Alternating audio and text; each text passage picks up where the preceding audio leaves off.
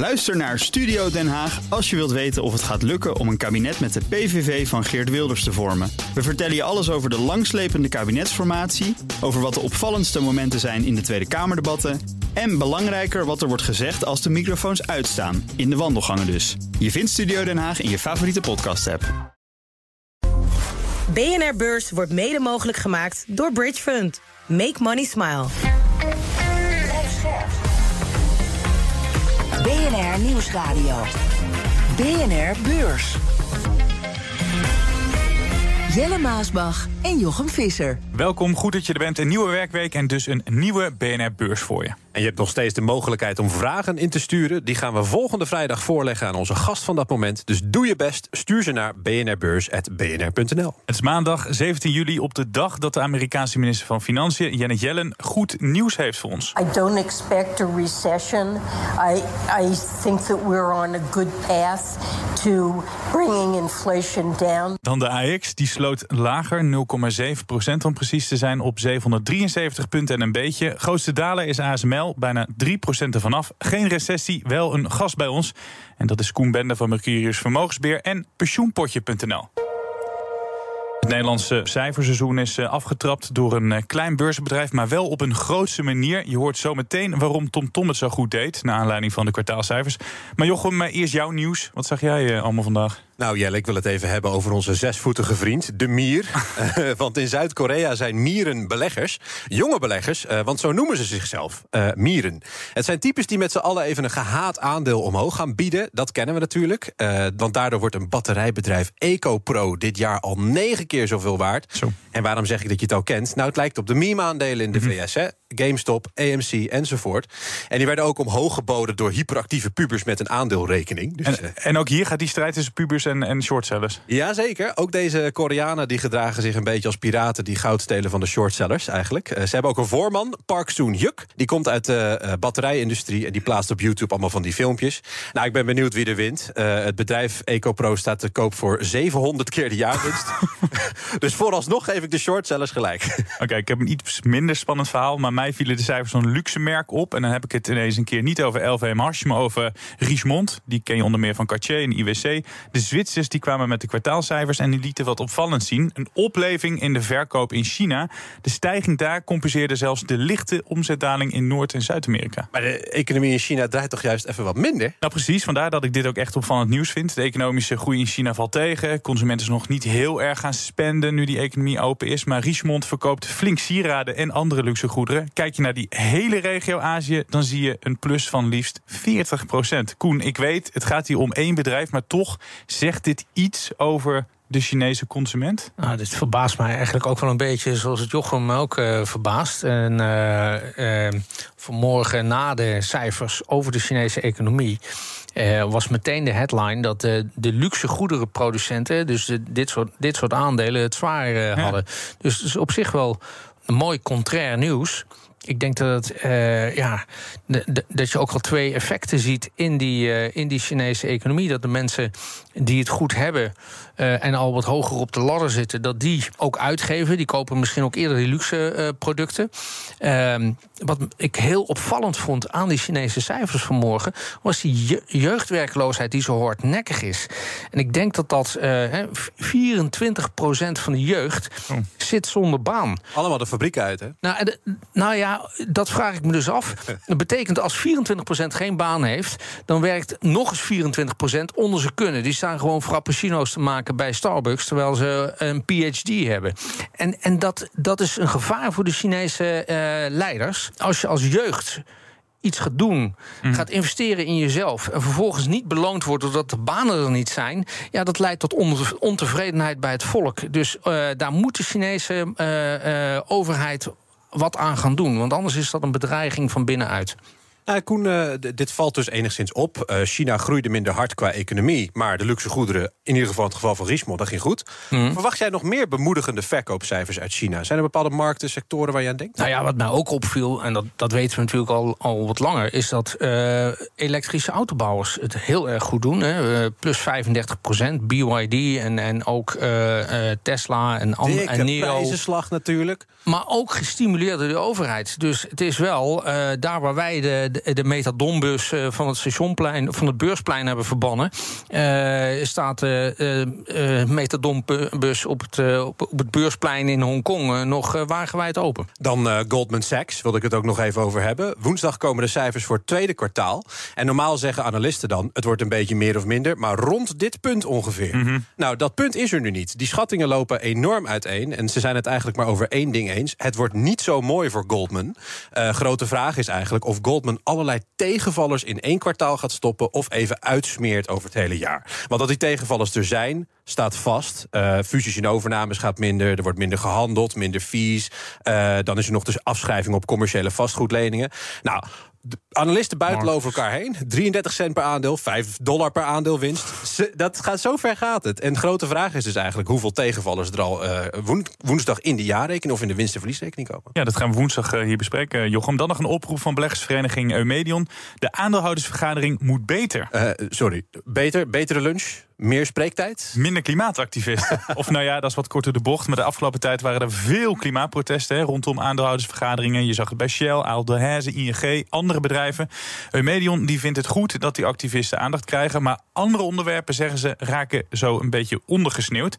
En daarom moet er wat veranderen, zegt directeur Riens Abma. De voorzitter moet de boel strakker gaan leiden tijdens zo'n bijeenkomst. Daarbij kun je dan denken bijvoorbeeld aan het maximeren van een spreektijd per aandeelhouder. Of dat uh, eh, aan een bepaald onderwerp een bepaalde tijd wordt toegedicht. Bijvoorbeeld een half uur tot drie kwartier. Zodat iedereen van tevoren dus al weet uh, waar uh, hij aan toe is bij het afhandelen van alle agendapunten. Gaat dit helpen, zo'n voorzitter die de vergadering strakker gaat leiden? Nou ja, dat vraag ik me af. Want uh, de, de, activisten die zijn het merendeel van wat ik gezien heb, en ik was niet live in een zaal, maar uh, is dat ze proberen de boel te dereguleren om aandacht voor hun, uh, hun onderwerp te -huh. krijgen. Los dan even van Mark van Baal, die dat wat gestructureerder doet. Ja, ik denk dat je het heel erg ligt ook aan welk bedrijf en welke, welke activisten daaromheen bewegen. Straks een uh, nieuwe zomerserie. Een waarin onze gast zelf een bijzonder aandeel meeneemt om te bespreken. En die van vandaag is, kan ik alvast verklappen, heel origineel. Maar we beginnen met TomTom. Tom. Een small cap bedrijf, maar met een hele grote koersuitslag. Het aandeel ging bijna 9% omhoog. Reden, de omzetverwachting voor het hele jaar is verhoogd. Net als de vrije kaststroom. En ook de resultaten van het tweede kwartaal waren beter dan verwacht bij TomTom. Tom. De omzet steeg met dubbele cijfers. En er werd wel verlies gemaakt, maar dat was veel minder dan waarop was gerekend. En zo begon de aftrap van het cijferseizoen op het Damrak goed. Nou, laten we beginnen, Koen, met die omzet. Ja, waar kwamen die extra inkomsten bij TomTom vandaan? Ja, vooral uit uh, automotive uh, stukken. Dus daar, daar zien we een hele goede, goede stijging. ik denk dat het ook wel een beetje is doordat die auto's nu uiteindelijk ook van de band afrollen. Die leveringsproblemen weg zijn. ligt denk ik ook een beetje aan het afrekenmodel. -huh. dat, dat pas als die auto's verkocht zijn en, en de softwarecontracten lopen, dan gaat het verdienmodel lopen. En, en, en dat valt nu allemaal de goede kant op.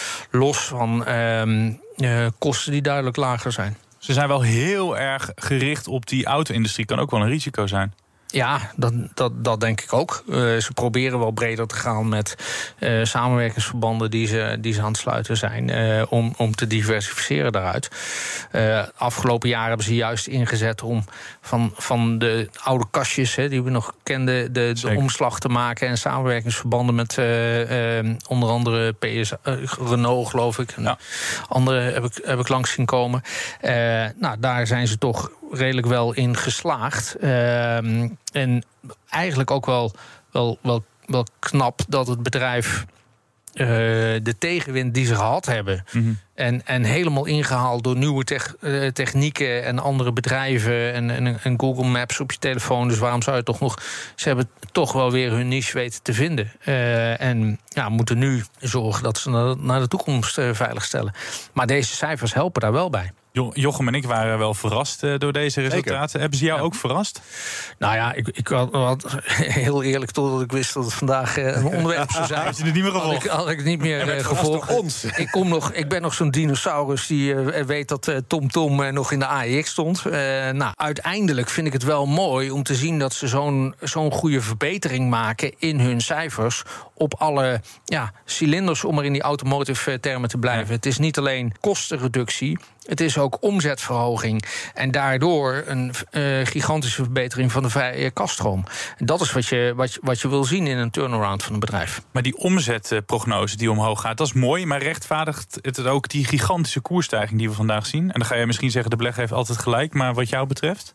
Nou ja, dit, dit weerspiegelt de verrassing die, die we hier allemaal uh, ervaren hebben. En dat waren dus blijkbaar ook uh, uh, beleggers die op vrijdag aan de borrel gingen. Die hadden niet verwacht dat die cijfers zo goed zouden zijn. De vraag is natuurlijk, weten ze dit naar de toekomst vast te houden? A, uit te bouwen. B. Ja, je noemde, jezelf net, ja, je noemde jezelf net een dino, maar dan ben ik dat ook. Want ik wist ook nog dat hij een, een paar uh, leaks hoger genoteerd stond. Het is best wel een kwakkelaandeel geworden. Is afgegleden dus naar de small cap. Vind je het nu wel een interessant aandeel of nog steeds niet? Nou ja, het is, het is super niche. En uh, je moet het echt heel goed volgen en feeling ermee hebben. Wil je daar uh, iets, iets, iets mee gaan doen op de lange termijn? En als aandeelhouder heb je altijd de keuze om je geld in verschillende bedrijven te stoppen.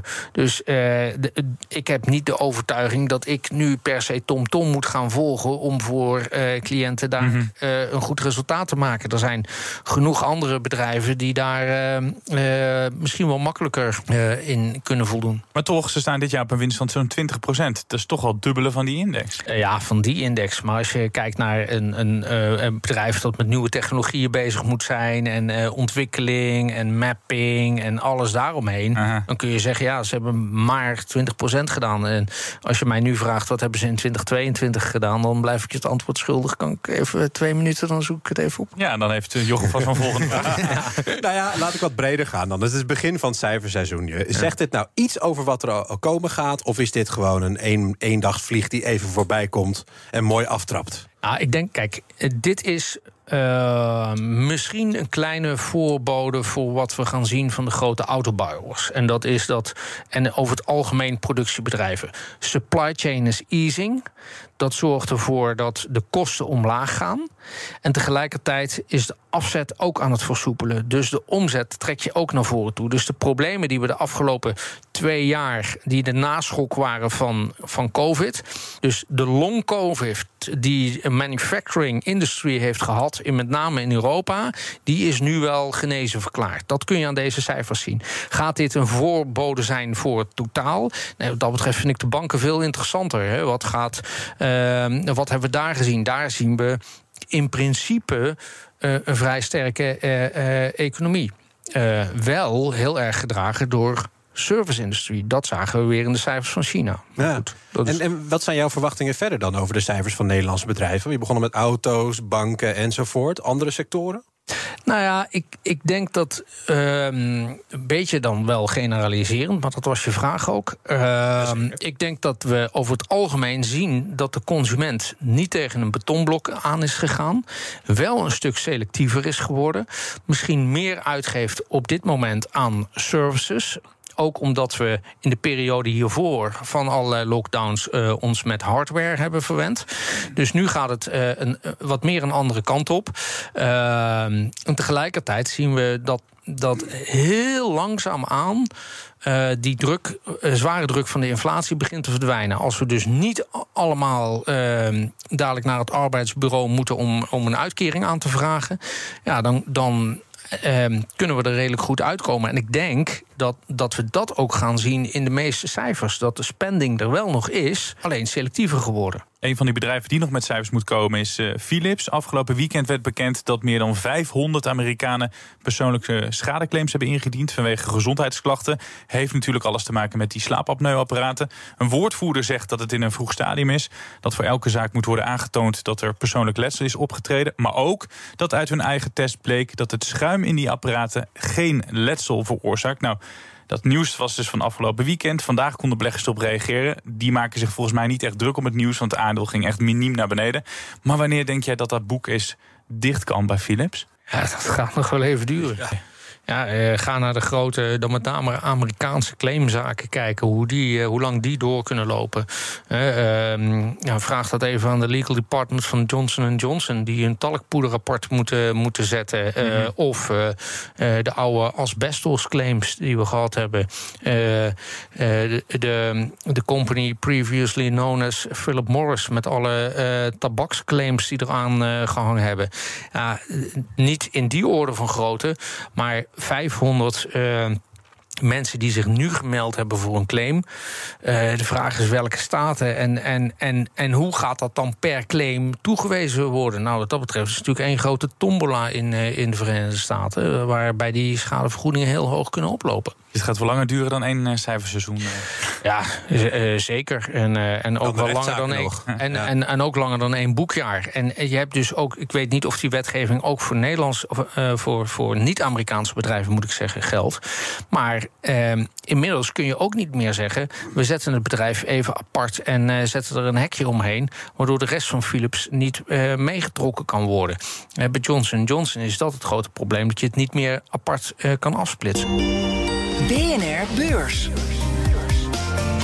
Dan naar Wall Street. De vrienden in Amerika die zijn blij. De Dow Jones staat twee tiende van een procent in de plus. De S&P 500 wint 0,3 procent. En de Nasdaq 0,6 procent. Ja, en dan is een beetje de klassieke vraag. Welke aandelen vallen jou op, eh, Jochem? Nou, eh, Tesla allereerst. Dus eh,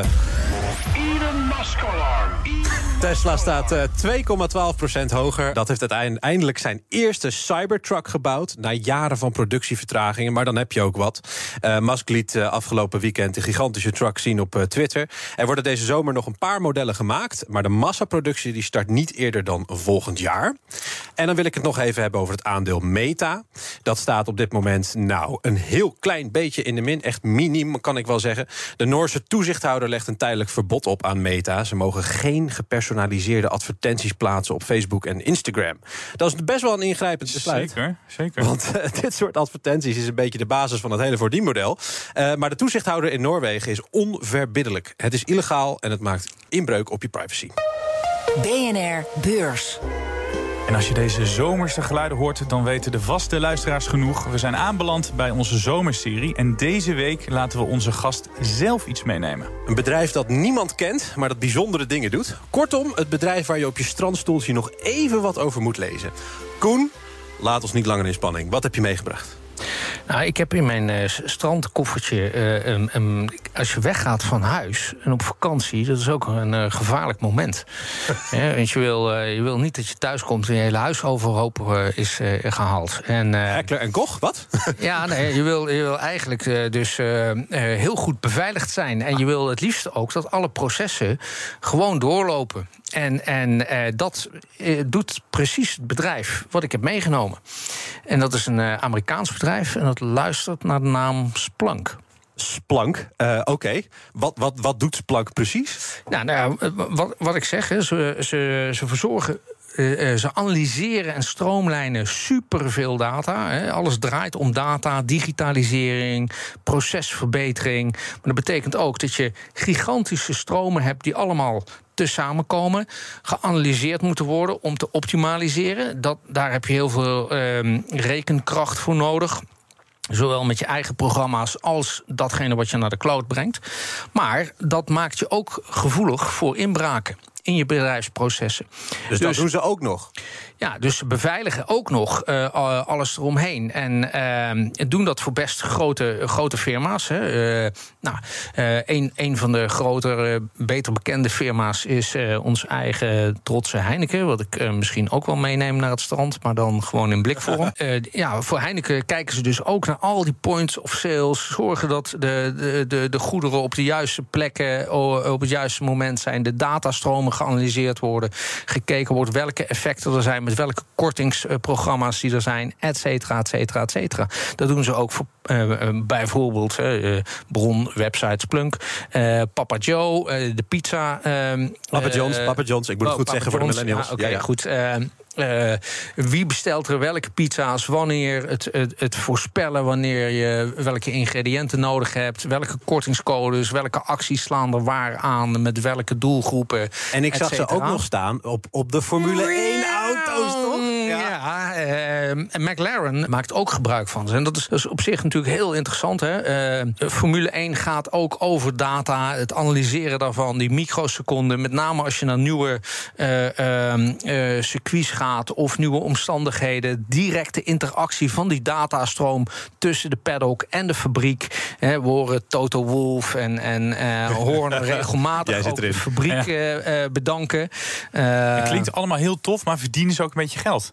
Ja, ze verdienen best goed geld. Ja? Ja, ehm, eh, hele mooie ontwikkelingen van hun, eh, ehm, eh, van hun cashflows. Goed winstgevend zijn ze. Dus eh, dit is niet een eendagsvlieg. Ze werken voor heel veel van de Fortune eh, 900 eh, bedrijven die, eh, ehm, die er zijn. En eh, ja. Super, eh, super mooi aandeel, denk ik, om portefeuille te hebben. Geen eendagsvlieg hoorde ik al voorbij komen. Hoe lang zijn ze al eh, beursgenoteerd? Sinds 2013 of eerder. En opgericht in 2007. We hebben redelijk wat acquisities gedaan. Dus het is een build-on strategy geweest. Eh, overigens vrije kaststroom van 427 miljoen dollar. 3,6 miljard aan, aan omzet. Dus goed winstgevend Ja. op hun omzet. En heel veel potentie om te gaan groeien. Een leuk aandeel, goed aandeel.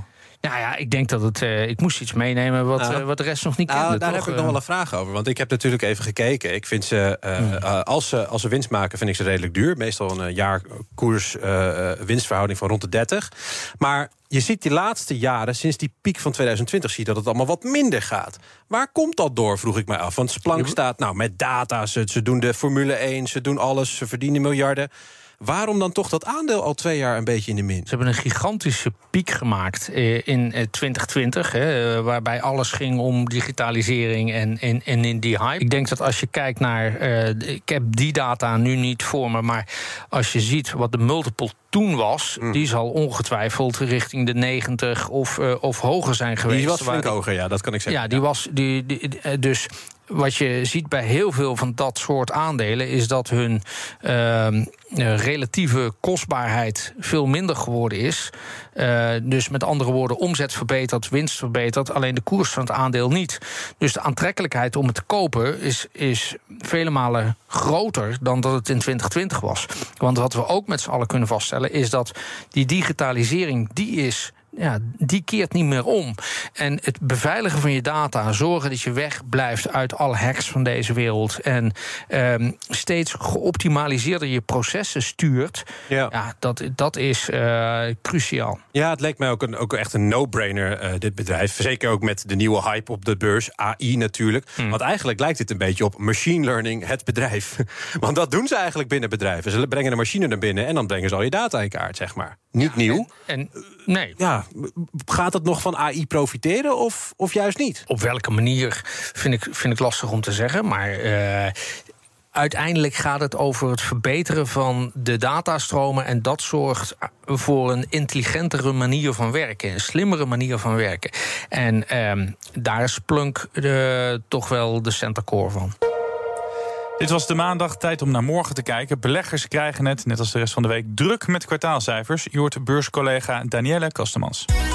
Deze dag staat in het teken van de Amerikaanse banken. Vorige week kwamen JP Morgan Chase en Citigroup al met hun cijfers. Nu is het de beurt aan Bank of America en Morgan Stanley. De vraag is: wie heeft er kunnen profiteren van de gestegen rente en wie niet? Bank of America overtrof vorig kwartaal de verwachtingen. De bank profiteerde van de stijgende rente en zag de inkomsten en winst flink toenemen. Morgan Stanley boekte in het eerste kwartaal juist minder winst dan een jaar eerder, door hogere kosten en voorzieningen voor slechte leningen. En dat terwijl de inkomsten ook nog eens daalden.